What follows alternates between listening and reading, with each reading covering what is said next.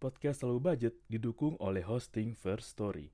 First Story adalah platform hosting yang lengkap, praktis, dan mudah digunakan untuk membuat, mendistribusikan, dan mengelola podcast kamu. First Story 100% gratis. Kamu bisa atur jadwal podcastmu kapan aja, dan kamu bisa distribusikan podcast kamu di semua platform hits podcast di Indonesia. First Story punya fitur keren yang bisa membuat kamu lebih dekat dengan pendengar kamu loh. Sudah penasaran belum sama First Story? Eits, ada lagi nih. Dengan First Story Ads, kamu bisa monetisasi podcast kamu juga. Menarik bukan? Gapai potensi maksimal podcastmu dengan tools dari platform hosting terbaik untuk para podcaster. Daftar sekarang di First Story. Mari bawa mimpi podcastingmu menjadi kenyataan.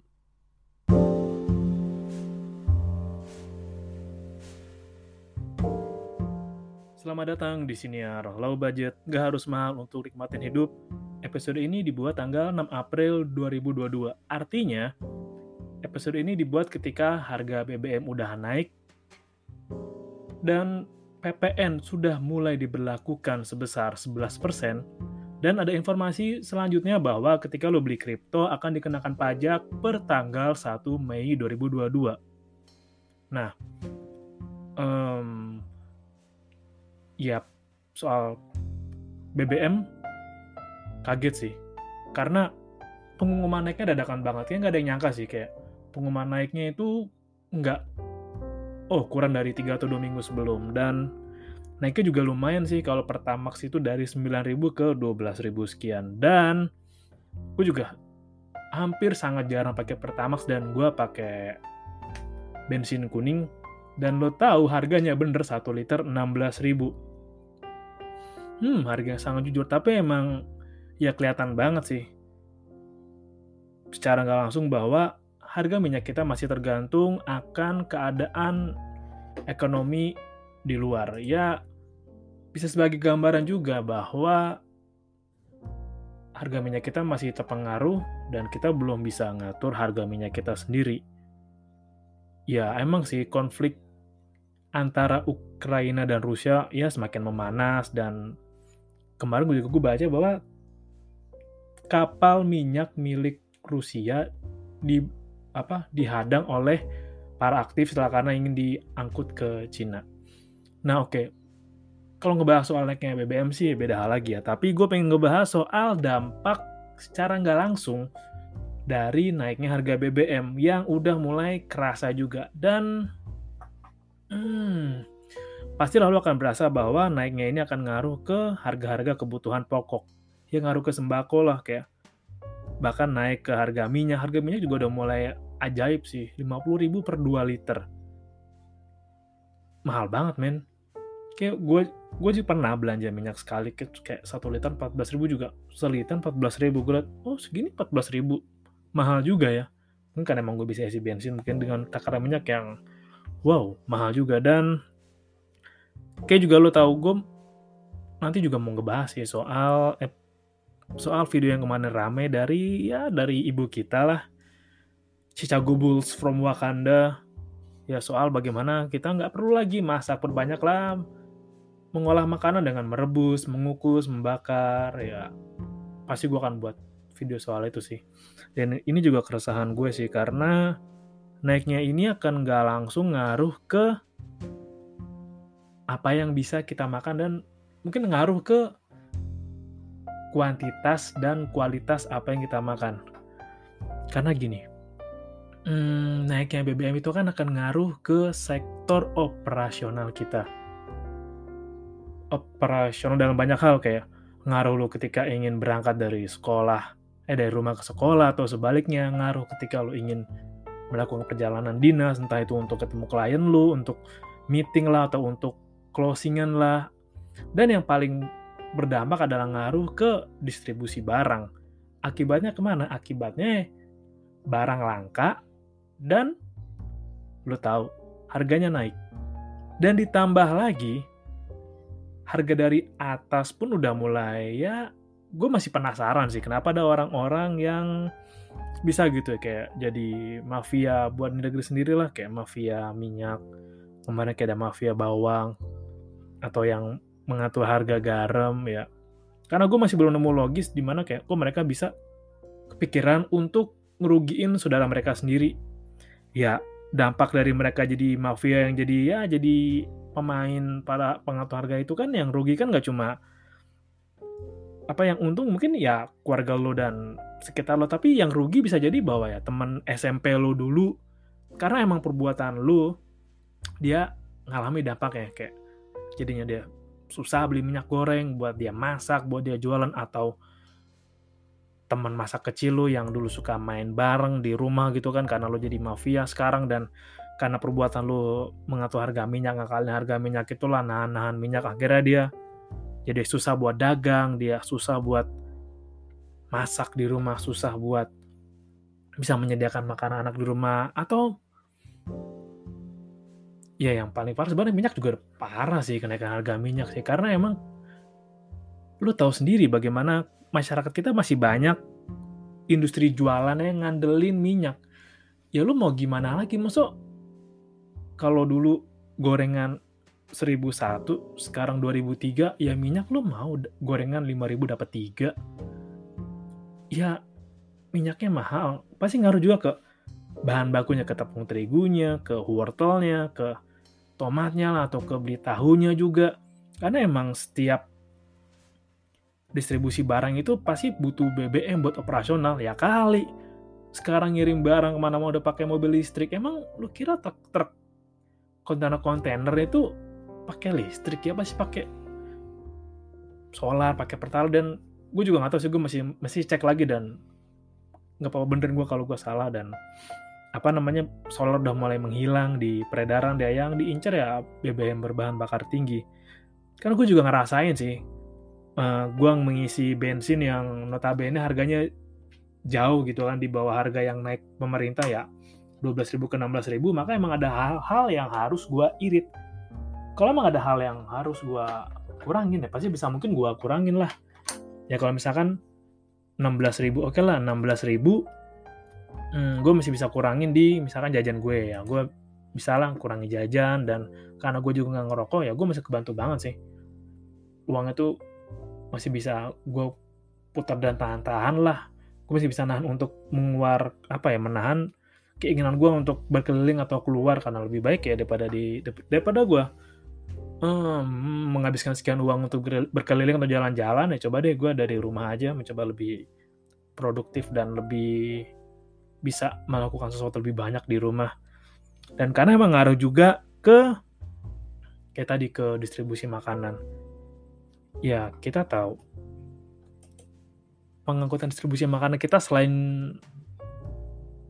pengusaha lokal harus bertarung dengan bahan-bahan impor dan juga harus juga mikirin caranya gimana operasional bisa tetap jalan dengan harga yang naik ya. Kayak dulu sempat ramai soal cabai impor kan, di mana kita sangat banyak cabai dan harga jatuh banget kebanting karena cabai-cabai kita kalau sama cabai impor, bawang juga.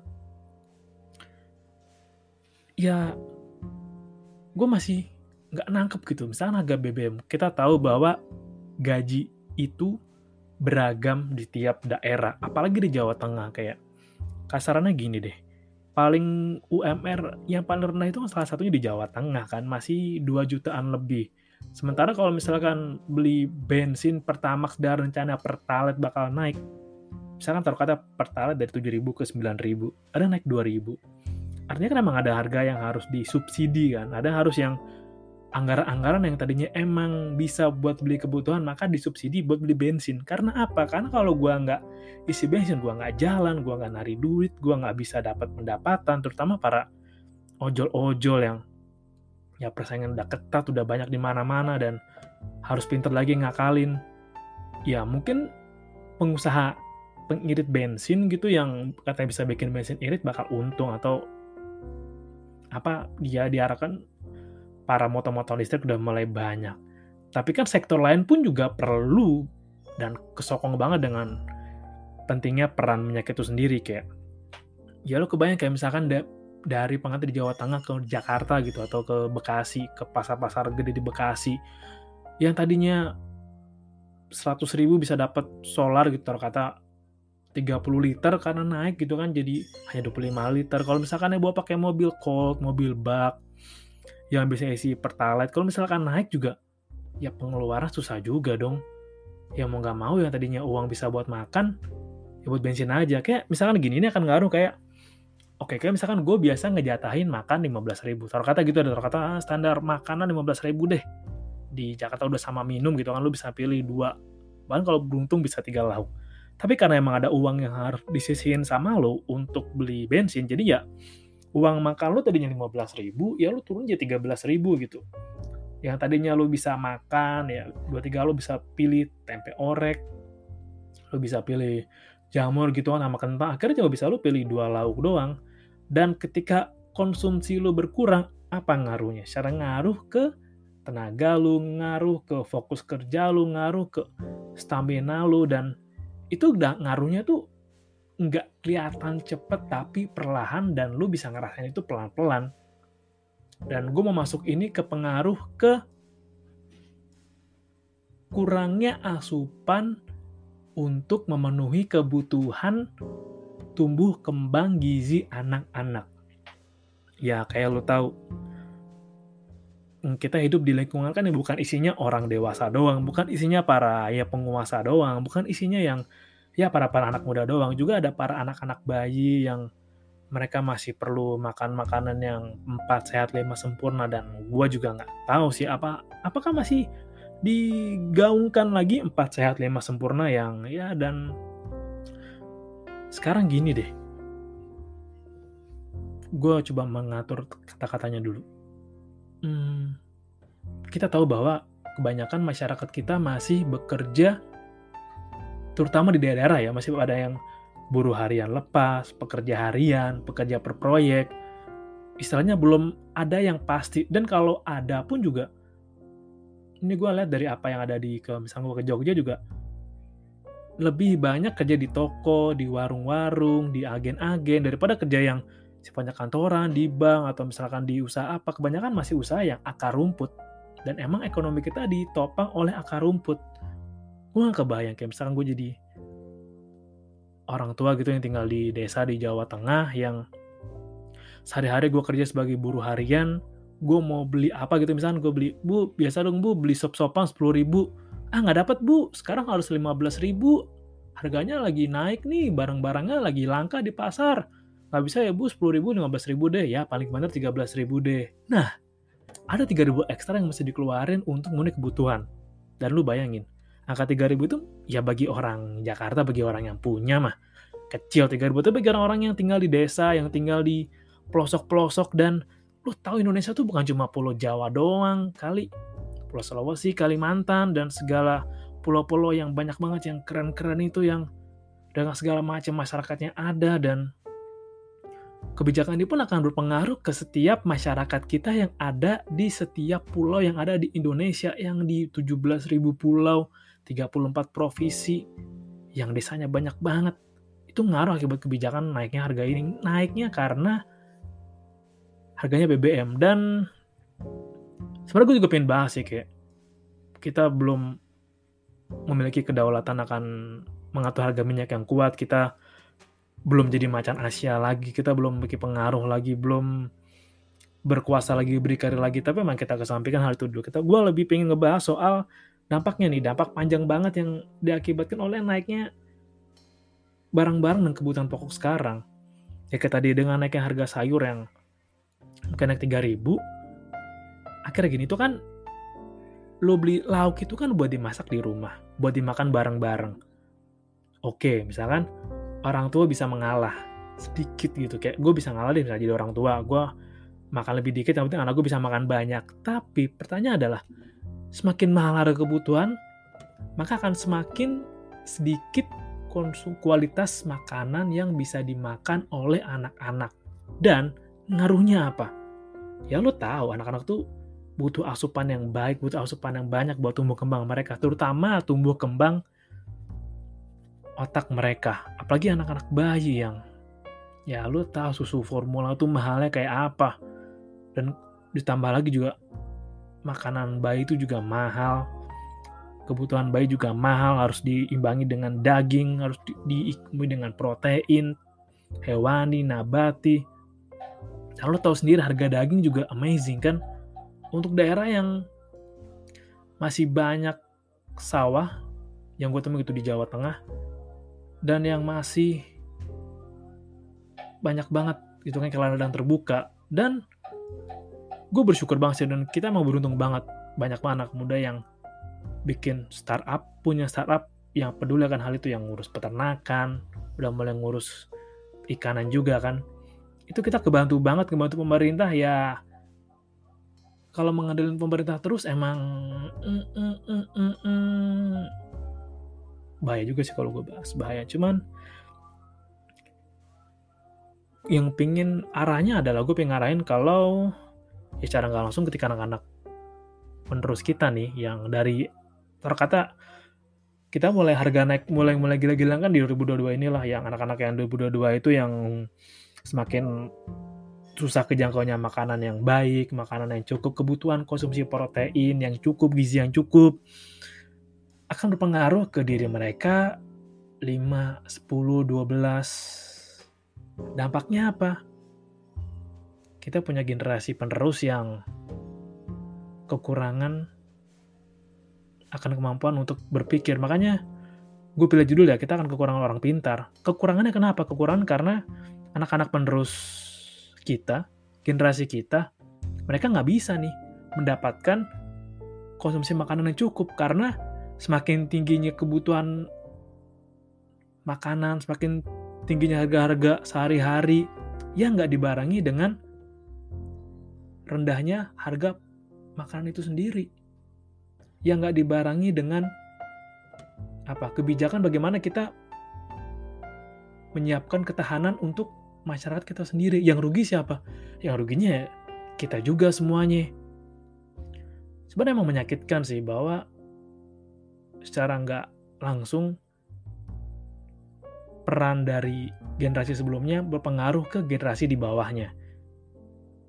Dan salah satu cara kita memperbaikinya, kita harus pelan-pelan sadar dan mulai peduli nih.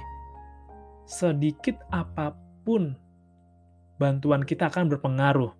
Makanya emang, ini mulai kembali lagi kita harus menggalakkan namanya gotong royong. Saling asuh, saling jaga, saling peduli, saking mawas kepada sekitar.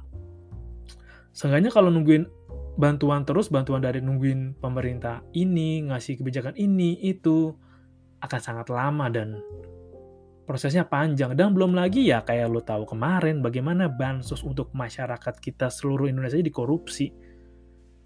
Gue masih nggak habis pikir sih. Bansos, bantuan sosial, seluruh Indonesia dikorupsi. Itu bantuan itu kan tujuannya adalah untuk memenuhi kebutuhan orang banyak terutama yang nikmatnya gak cuma orang dewasa tapi anak-anak ya gimana anak mau bisa punya kebutuhan gizi yang cukup. Dari atas udah dikorupsi seenggaknya sebelum bicara ke gizi dan jumlah konsumsi yang cukup ke kuantitasnya dulu deh. Bagaimana bisa mereka menikmati ya? Sedikit banyak dan ya lebih banyak makan. Kalau dari atas aja udah dipotong duluan. Belum bawahnya lagi bawahnya lagi bawahnya lagi. Dan yang rugi siapa? Yang rugi saudara gue yang di luar sana, saudara gue yang ada di Pulau Maluku, saudara gue yang ada di Ternate, saudara gue yang ada di Tidore, saudara gue yang ada di Makassar, saudara gue yang ada di Madura, teman sekolah lo, teman SD lo, temennya temen lo, saudara jauh lo, saudara lo, dan bahkan lo sendiri yang bisa ngerasain ruginya akibat pemotongan dari atas tadi. Dan emang semakin gue juga nggak tahu ya apa yang diharapkan dengan naiknya harga pajak belum lagi harga pulsa dan naiknya harga pulsa pun belum diimbangi dengan kualitas kecepatan dan harga paket yang memadai. Ngaruh banget kan kayak? Mungkin emang sederhana sih kayak tadinya pakai data yang bisa isi gocap dapat 15 giga sekarang harus 55 ribu kan? Ya 5 ribu tapi 5000 untuk nilai di Jakarta dan nilai di Brebes, 5000 untuk nilai di katakan misalnya katakan di misalkan di Surabaya, misalnya 5000 untuk katakan di Malang, di Semarang, di Salatiga, bisa arti yang berbeda. 5000 pun bisa bernilai untuk dapat satu nasi kucing atau bahkan masih dari daerah dapat lah nasi kucing 1500 dapat tiga porsi nasi kucing dengan uang 5000 dan satu teh tawar karena emang kita dianugerahin dengan pulau yang sangat hebat luas jadi setiap kebijakan yang ada itu akan berpengaruh secara nggak langsung sama setiap masyarakat kita dari Sabang sampai Merauke, dari Mindanao sampai Rote itu akan berpengaruh terhadap kebijakan yang ada. Dan tadi lagi yang paling rugi salah satu manfaat sorry salah satu kerugian yang paling dirasain adalah generasi penerus kita yang untuk kita berjuang berusaha memenuhi kebutuhan konsumsi mereka, kebutuhan makan mereka pun akan semakin sulit. Jadinya apa? Mereka yang sulit untuk mendapatkan makanan yang layak yang cukup akibatnya stunting. Akibatnya keterlambatan pertumbuhan. Yang paling nyata apa? Ada keterlambatan proses berpikir. Keterlambatan dalam proses fisik. Ya lu tahu bagaimana anak-anak itu butuh energi yang masuk yang besar agar mereka ngeluarin juga besar. Karena emang di anak-anak itu secara psikologis fasenya adalah fase untuk mereka tumbuh kembang, fase mereka untuk melatih otot mereka, nggak cuma otot fisik, tapi juga masa-masa yang ada di otak mereka itu. Mereka juga perlu kecerdasan kognitif, motorik, dan juga kecerdasan sosial. Bagaimana mereka bisa memenuhi kecerdasan-kecerdasan itu, menciptakan generasi-generasi yang baik, yang generasi-generasi yang mampu bersaing, generasi yang mampu bersaing dengan kualitas internasional. Kalau kebutuhan untuk mencok untuk menyokong pemenuhan akan kegiatan mereka aja tuh nggak cukup. Yang rugi siapa? Kita lagi. Yang rugi siapa? Kita lagi. Kita punya generasi penerus yang karena perbuatan kita, karena ya kesalahan kita di era sekarang, jadi efeknya apa? Kita gampang dibohongi, jangkauan, pemik jangkauan pemikiran kita enggak seluas masyarakat-masyarakat lain bahkan ada di masyarakat internasional. Keterlambatan berpikir kesusahan menentukan diri dan yang paling fatal adalah kesulitan untuk mengenal diri mereka sendiri. Karena untuk menggunakan kognisi mereka dengan baik pun mereka kesulitan karena emang dari kecil kebutuhan mereka untuk memenuhi standar akan perkembangan otak yang cukup pun kurang. Rantainya panjang banget. Rantainya tuh bisa berlaku dari A sampai Z. Dari usia tua sampai usia anak-anak. Saking hebatnya. Dan gue juga nggak tahu sih apa yang terjadi dengan pemerintahan sekarang. Karena gue juga nggak tahu bagaimana mereka memandang negara apakah ingin menjadi negara berdaulat, ingin menjadi negara yang superpower seperti Tiongkok, Amerika yang bisa mengatur harga sesuka mereka. Apakah yang gue juga nggak tahu sih apakah mereka apakah orang-orang di atas di istana bisa ngebaca perang yang terjadi, perang yang kelihatan ya, biological warfare, nanti food warfare, lama-lama weather warfare dari perang biologis yang ya gue percaya bahwa corona diciptakan oleh sekelompok orang kemudian jadi perang makanan di mana nanti pelan-pelan akan mulai muncul namanya makanan buatan yang bentuknya kayak lu kalau nonton Dragon Ball tuh kayak kacang dewa yang bisa menulis stamina lu atau kayak makanan yang kacang yang kalau disiram ya tiba-tiba apa makanan bisa megar atau makanan itu mampu mencukupin kebutuhan apa ya kebutuhan protein dalam diri dalam sehari sih kalau nggak salah belum lagi perang cuaca ya ketika mereka bisa ngendaliin cuaca, mereka bisa ngendaliin banyak hal. Mereka bisa ngendaliin operasional yang mandek, mereka bisa ngendaliin musibah di banyak tempat, dan kalau lu mampu menguasai cuaca, lu mampu mengatur dengan baik kapan lu harus musim semi menanam A, menanam B, kapan harus panen, kapan harus siaga ketika waktunya hujan. Wow, jauh banget sih, tapi emang segala hal yang terjadi sekarang itu rantainya panjang dan berpengaruh bahkan untuk setiap aspek kehidupan kita dari era sekarang sampai beberapa dan beberapa tahun dan mungkin bisa belasan tahun mendatang. Kayak anak-anak tadi yang di era sekarang kebutuhan kurang tercukupi karena harga semakin mahal nggak terjangkau kebutuhan akan ya konsumsi dalam diri mereka kebutuhan akan perkembangan metode kognisi juga kurang karena emang konsumsinya kurang baru bisa terasa ya nanti belasan tahun mendatang 20 tahun mendatang dan lagi-lagi ketika mereka sudah dewasa mereka sudah besar harusnya mereka bisa bersaing harusnya mereka bisa berperan untuk masyarakat harusnya mereka bisa sadar eh, apa yang bisa gue lakukan untuk sekitar. Tapi karena mereka nggak mampu untuk berpikir akhirnya mereka kalah saing mereka harus di nomor sekian kan akhirnya mendatangkan sumber dari luar dan akhirnya kita kalah lagi kita terjajah lagi dan ya akhirnya kita mundur lagi. Yang beruntung ya orang-orang yang sekitar itu tadi yang mereka yang pembuat kebijakan itulah. Sekitar mereka yang mereka bisa makan dengan baik yang mereka empat sehat lima sempurna. Uh rumahnya aman nggak perlu mikirin isi bensin berapa dijatahin nggak perlu mikir ya hari ini gue makan apa ya? Nggak perlu ya itu mereka ya wajar mereka yang bisa terus menerus dan akhirnya apa? Siklusnya terulang lagi yang bawah semakin bawah yang atas semakin ke atas. Dan lama kelamaan lagi adalah gapnya semakin menjauh, jaraknya semakin renggang dan ini malah semakin berbahaya sih ketika terjadi kesenjangan sosial, kesenjangan yang terlalu jauh antara yang atas sama yang bawah. Karena yang bawah sangat susah untuk diangkat dan karena jarak, terlalu jauh jadi ya susah banget untuk dibantu. Yang atas juga ya buat apa gue peduli? Gue udah nyaman males banget gue turun. Emang ada orang gitu kan yang ya gue masih percaya lah ketika membuat kebijakan berasal dari orang-orang yang tidurnya nyaman, yang kasurnya empuk, yang makannya enak, dan berharap mereka bisa buat kebijakan dengan adil untuk masyarakat yang bahkan untuk tidur aja gak tenang karena atapnya bocor, karena dingin, gak punya selimut, gak punya kasur, dan ya lu bisa berharap ada kebijakan adil dari mereka yang membuat keputusan dengan berasal dari golden plate and silver spoon. Wow, gue optimis aja sih. Semoga bisa. Dan wow. Ada berapa lagi sih mau episode yang mau gue share terutama apa yang ramai soal kemarin ya bagaimana